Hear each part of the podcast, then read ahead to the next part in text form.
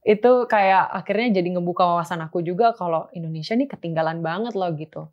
Dari segi uh, kemampuan SDM-nya menurut aku udah kayak negara yang menuju ke negara maju gitu. Iya. Tapi ternyata dari segi kesehatan tuh masih kayak negara-negara di Afrika, negara-negara yang sangat terbelakang gitu. Iya. Jadi itu sih menurutku yang harus diubah dulu tadi kalau Hmm. misalnya aku jadi menteri tadi yang Bapak bilang. Amin. Pasti didoain. Iya, Pak. Inilah Endgame. Oke, kita kita ngobrol sedikit mengenai masa depan ya. Boleh. Mau ditarik berapa lama nih? 5 tahun, 10 tahun atau sampai 25 tahun? Em, 25 mungkin. Eh, 15 deh, Pak. 15. Oke.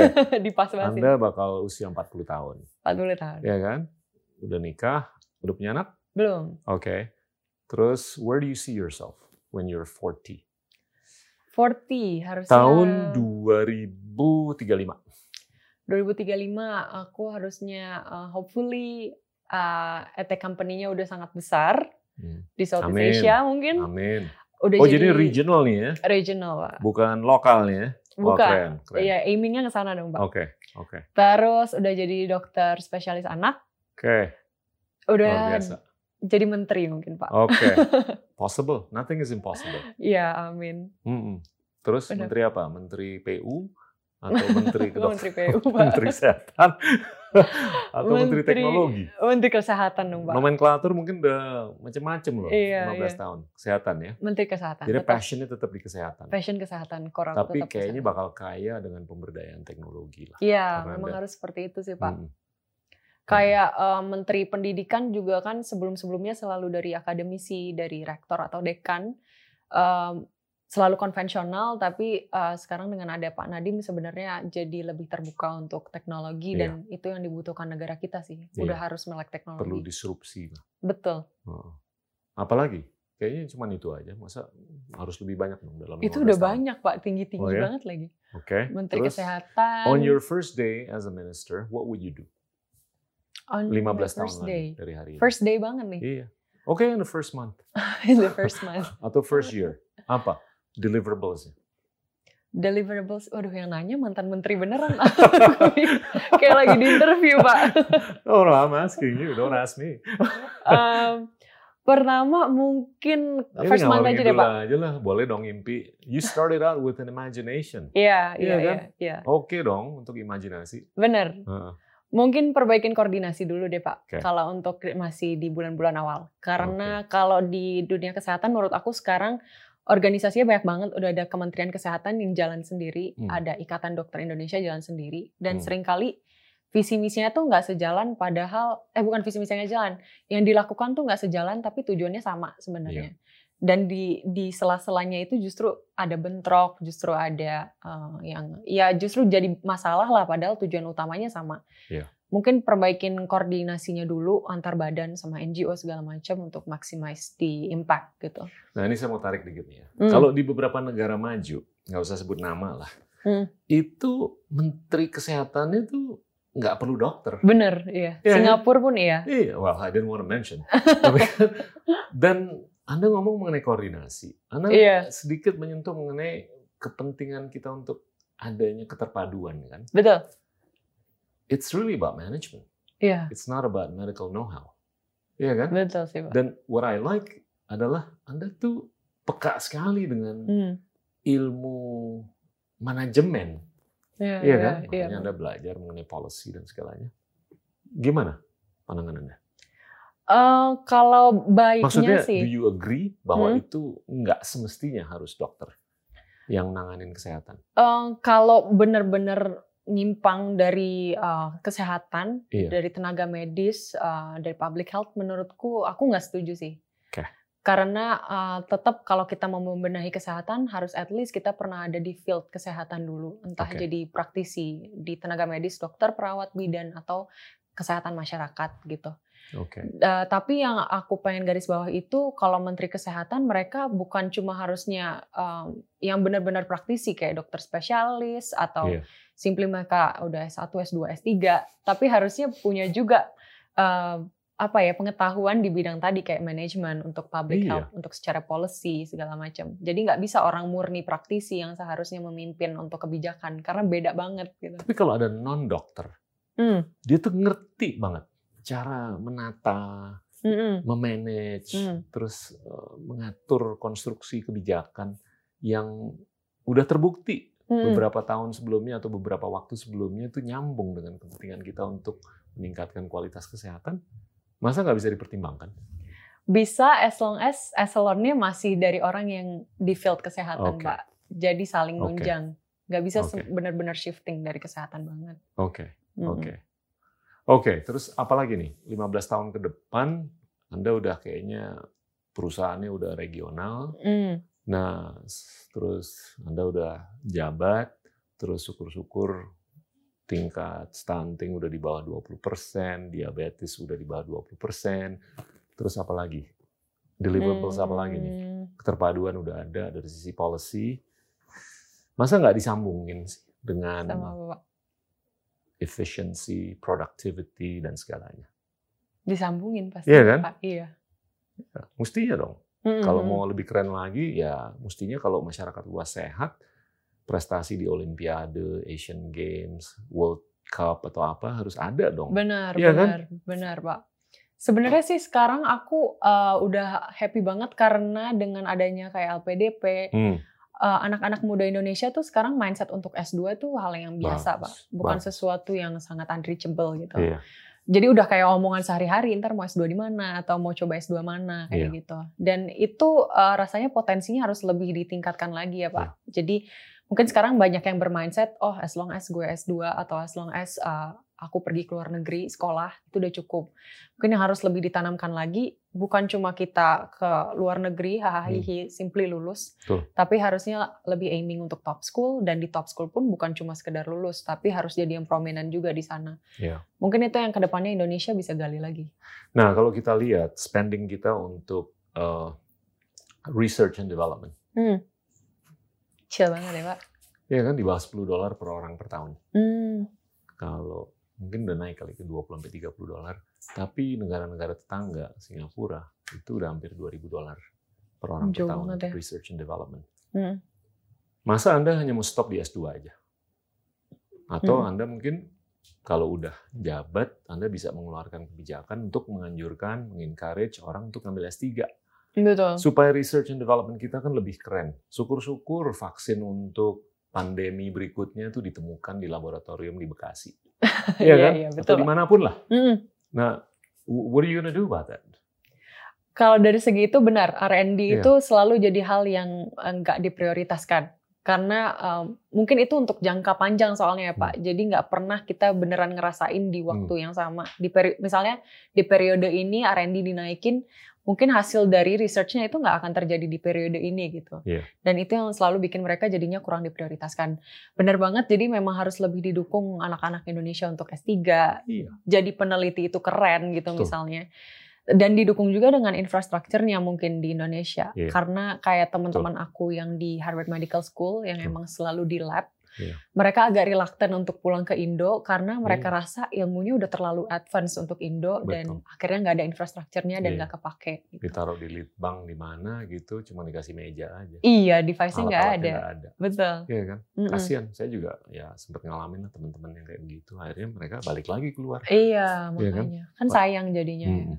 gitu. Oke, terus 2040, 2045, where do you see Indonesia? Indonesia. Kalau eh, Indonesia sekarang selalu dikenal negara yang punya potensi. Ya, Tapi aku pengen di 2045 udah maksimal potensinya Iya. dipakai gitu. ya. Dari dulu nggak pernah berubah. Indonesia has great And it potential. always remains as a potential. Iya, selalu jadi potensi aja gitu. Iya, Kapan nggak beneran dipakainya? aktualisasi. Iya. Doesn't that make you gitu? Iya, saya sih ya gregetan pastinya dan Iya kan? pengen jadi satu salah satu orang yang akhirnya bisa membangun gitu ya, Pak. Oke. Cuma ya Apa? itu sih. Manifestasinya apa? Manifestasinya, eh, kalau di 2045 harusnya kita udah ada bonus demografi ya Pak. Berarti eh, udah banyak orang-orang yang produktif, jumlahnya udah banyak banget usia Hmm. produktif. Nah itu harus didukung dengan eh, mungkin pengayaan teknologi, terus dari segi kesehatan, um, itu harus didukung. Jadi orang-orang ini justru kita bonus demografi ini bukan jadi bencana buat kita bikin yeah. banyak pengangguran, tapi justru bikin makin banyak orang yang buat manfaat untuk Indonesia yeah. gitu. Uh, untuk masalah kayak kesehatan sih yang paling sekarang masalah tuh insurance sebenarnya pak dari yeah. BPJS. Um, oh iya. BPJS kita sangat-sangat generous hmm. kalau uh, dibandingkan dengan yang lain. Yeah. Dengan premi 25.000 sampai 80.000 hmm. kita bisa uh, orang-orang tuh bisa dapat ratusan juta coverage gitu. Yeah. Di satu sisi tuh sangat-sangat manfaat banget BPJS itu benar-benar merubah dunia kesehatan. Tapi dompetnya. Benar. Hmm. Dulu orang takut untuk uh, berobat udah sampai cancer juga nggak hmm. mau berobat, tapi sekarang orang even untuk check up uh, hmm. untuk sekadar batuk pilek datang ke puskesmas itu nggak mikir lagi gitu yeah. karena ada BPJS. Tapi di satu sisi memang ada yang suffering jadinya kayak rumah sakit, tenaga medis karena mereka harus mengcover uh, apa yang akhirnya itu susah untuk di reimburse ke BPJS gitu. Yeah. Saya pribadi juga ngerasain sebagai dokter soalnya dulu Agak kalau udah lambat. bukan lambat lagi ya. Pokoknya kalau udah mengobati orang pasien BPJS mending nggak usah diharap lagi ada uang atau apa yeah. gitu daripada jadi beban. Jadi emang ya itu sih yang harus di mungkin dari secara financial hitung-hitungannya juga harus lebih yeah. dipertimbangkan kayak kayak preminya tuh harusnya berapa sih gitu Pak dan uh, yang di cover tuh harusnya berapa. Dan itu pasti jadi pro kontra karena orang Indonesia uh, kan lebih banyak yang middle lower dan hmm. uh, mereka sangat membutuhkan BPJS dengan harga murah gitu. Jadi nggak tahu sampai kapan uh, akan rumah sakit dan uh, tenaga medis yang suffering gitu. Ya ujung-ujungnya ruang fiskal Hmm. Mencukupi apa enggak kan? Benar. Kalau kita lihat tax ratio kita tuh baru 11 persen. Hmm. Itu rasio pengumpulan pajak dibanding PDB kita. Hmm. Tapi saya percaya in the long run 25 tahun ke depan itu tax ratio kita akan terus meningkat. Oh, okay. Kalau standar OECD itu kan udah di atas 30 persen. Ini hmm. rasio pengumpulan pajak terhadap PDB negara itu di atas 30.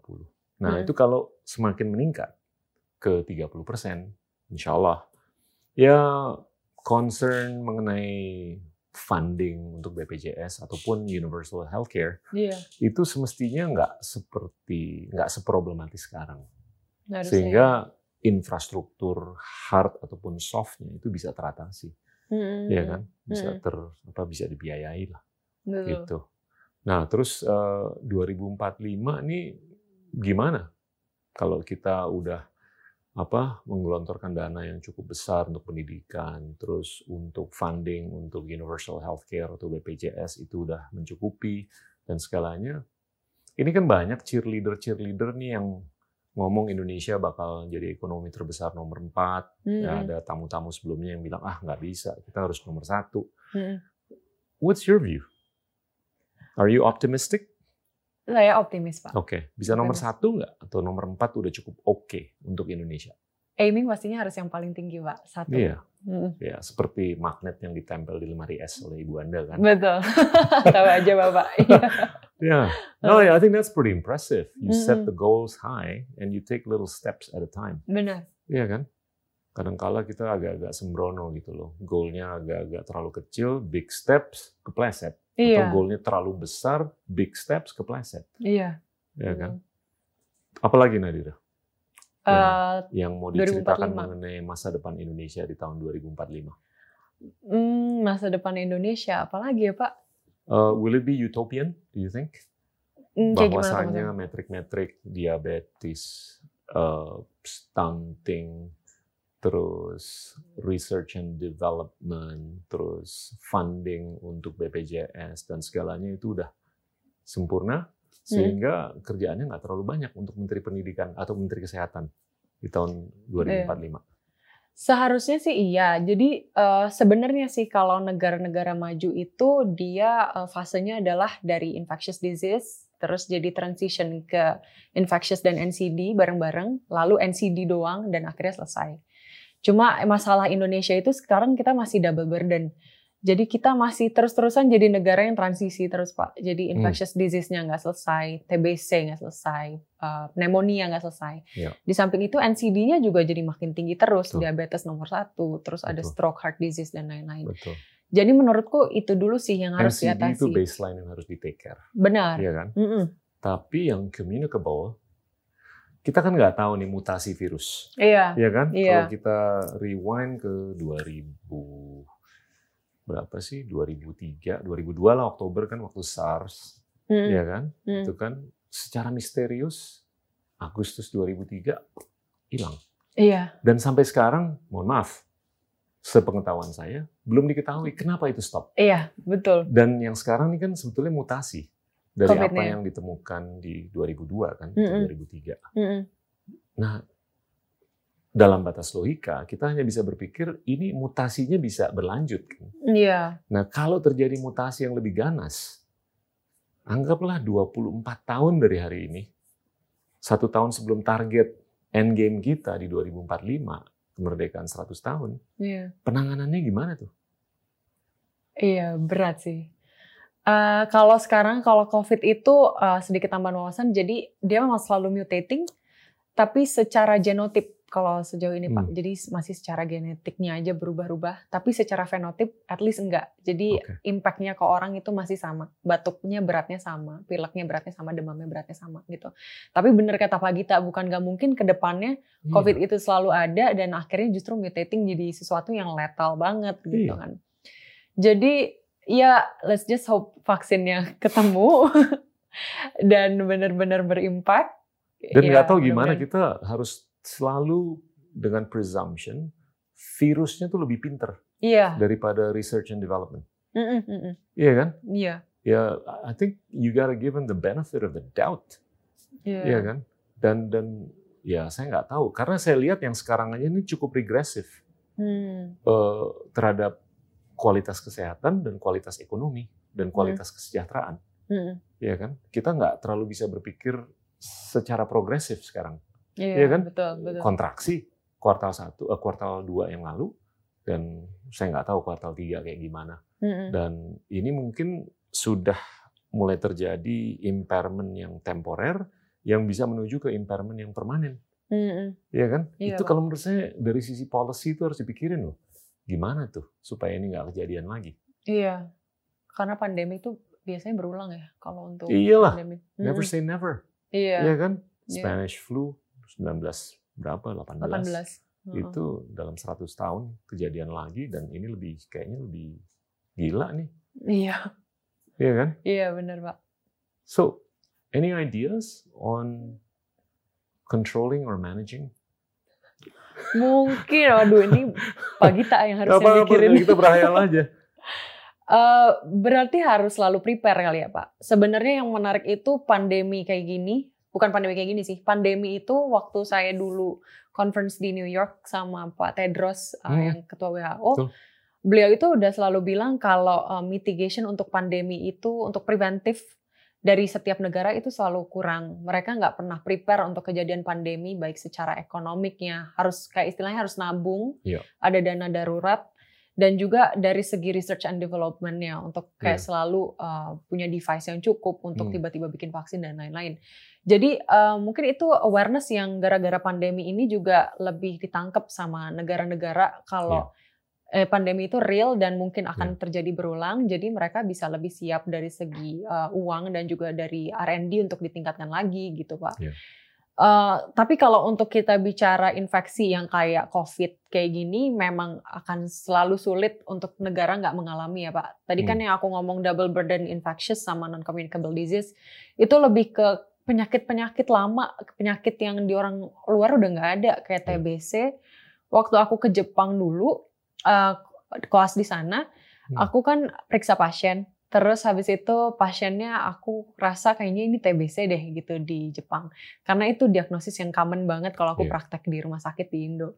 Betul. Aku bilang TBC terus orang-orang ketawa semua dokternya karena ya ampun udah nggak ada TBC di Jepang Iya. dari Perang Dunia Iya, Kedua gitu. Di situ aku jadi malu kayak loh di Indo aku tiap hari ada orang TBC pasti gitu. Jadi itu kayak akhirnya jadi ngebuka wawasan aku juga kalau Indonesia nih ketinggalan banget loh gitu. Dari segi uh, kemampuan SDM-nya menurut aku udah kayak negara yang menuju ke negara maju gitu. Iya. Tapi ternyata dari segi kesehatan tuh masih kayak negara-negara di Afrika, negara-negara yang sangat terbelakang gitu. Iya. Jadi itu sih menurutku yang harus diubah dulu tadi kalau Hmm. misalnya aku jadi menteri tadi yang Bapak bilang. Amin. Pasti didoain. Iya, Pak. Sama gini loh, saya, saya mau coba compare antara apa yang dilakukan di Swedia, Mm, herd immunity, mm, dibandingkan dengan anggaplah Taiwan, yeah. ya kan, di mana itu social distancing sangat ketat. Mm. Do you believe in herd immunity, or you believe in Hmm. physical atau social distancing more? I believe more in social distancing. Okay. Sebenarnya herd immunity itu uh, bisa terjadi, Hmm. cuma pada akhirnya jadi kayak seleksi alam dan itu Iya. nggak adil buat uh, masyarakat sebenarnya. Iya. Uh, baik kita rela untuk pakai metode herd immunity, berarti kita ngebiarin misalnya punya orang tua kita yang rentan Iya, itu untuk agak-agak ya udah ya. Iya kan? untuk terseleksi aja Iya. secara alam dan itu kan nggak adil dan nggak ethical gitu. Betul, betul. Jadi aku lebih ke social distancing. Nah, kalau kalau kalau saya lihat ini kan kita udah geser dari aktivitas yang komunal ke non komunal, Mm-mm. aktivitas yang offline ke online. Iya. Saya sih ngelihat untuk pencegahan ke depan, kalau amit-amit kejadian lagi kan pandemi, mungkin ada loh beberapa perilaku sehari-hari yang bisa diubah. Iya, Ya kan sekarang kita udah nggak salaman lagi, betul. ya kan? Iya, Pak. Apakah itu bisa diinkorporasi dalam budaya sehari-hari ke depan selama 25 tahun ke depan? Itu kan bagian dari proses pencegahan kan? Iya, Pak. Terus mungkin kita budayakan aja online yang lebih Iya. banyak dibandingkan offline. Benar. Nah, kalau menurut saya ya itu mungkin satu atau dua langkah yang kita bisa lakukan as a preventive Hmm. measure in the event nanti terjadi pandemi yang mungkin terkait dengan mutasi yang lebih gawat. Iya. What, Benar what do you sih. think? Benar, Pak. Karena sebenarnya untuk kita perubahan gaya hidup jadi nggak salaman, sering cuci tangan, itu bukan cuma untuk memprevent COVID-nya itu sendiri gitu. Iya. Nanti kalau COVID-nya pun udah hilang, itu ya untuk memprevent segala infectious disease yang mungkin uh, lewat droplet gitu kayak untuk flu biasa pun bisa terprevent, TBC, pneumonia, basically apa pun bisa uh, lebih baik jadinya. Aku yang menarik tuh ada juga memang uh, aku banyak ngobrol sama ada salah satu founder uh, pencegahan stunting gitu di Flores Pak namanya 1000 Days. Yep. Um, jadi dia itu amazed banget sama perubahan perilaku di Flores yang sekarang orang jadi lebih sering cuci tangan, terus anak-anak juga nggak terbiasa lagi di jamban atau di air-air di kali gitu. Itu bukan cuma memprevent COVID, tapi akhirnya usaha dia bertahun-tahun yang untuk nurunin stunting di sana itu jadi terlaksana sekarang waktu COVID gitu. Iya. Karena perilaku orang yang berubah di masa COVID ini dengan cuci tangan dan lain-lain. Jadi what I'm trying to say is that uh, kita bukan cuma mencegah COVID loh dengan perilaku kayak gitu. Iya. Basically mencegah apa pun penyakit yang lain. Jadi nggak ada salahnya itu untuk kita terapin terus-terusan ke depannya. Iya. Gitu. Iya. Thank you so much. Thank you Nadira. Pak Gita. Ya, Oke Thank Pak, you. thank you. teman-teman, itulah Nadira Afifa. Percakapan yang sangat menarik. Mulai ngobrol dari main flute, suka dengan matematika, sholat di bawah tangga, sampai cita-citanya untuk menjadi pemimpin ke depan. Terima kasih. Inilah Endgame.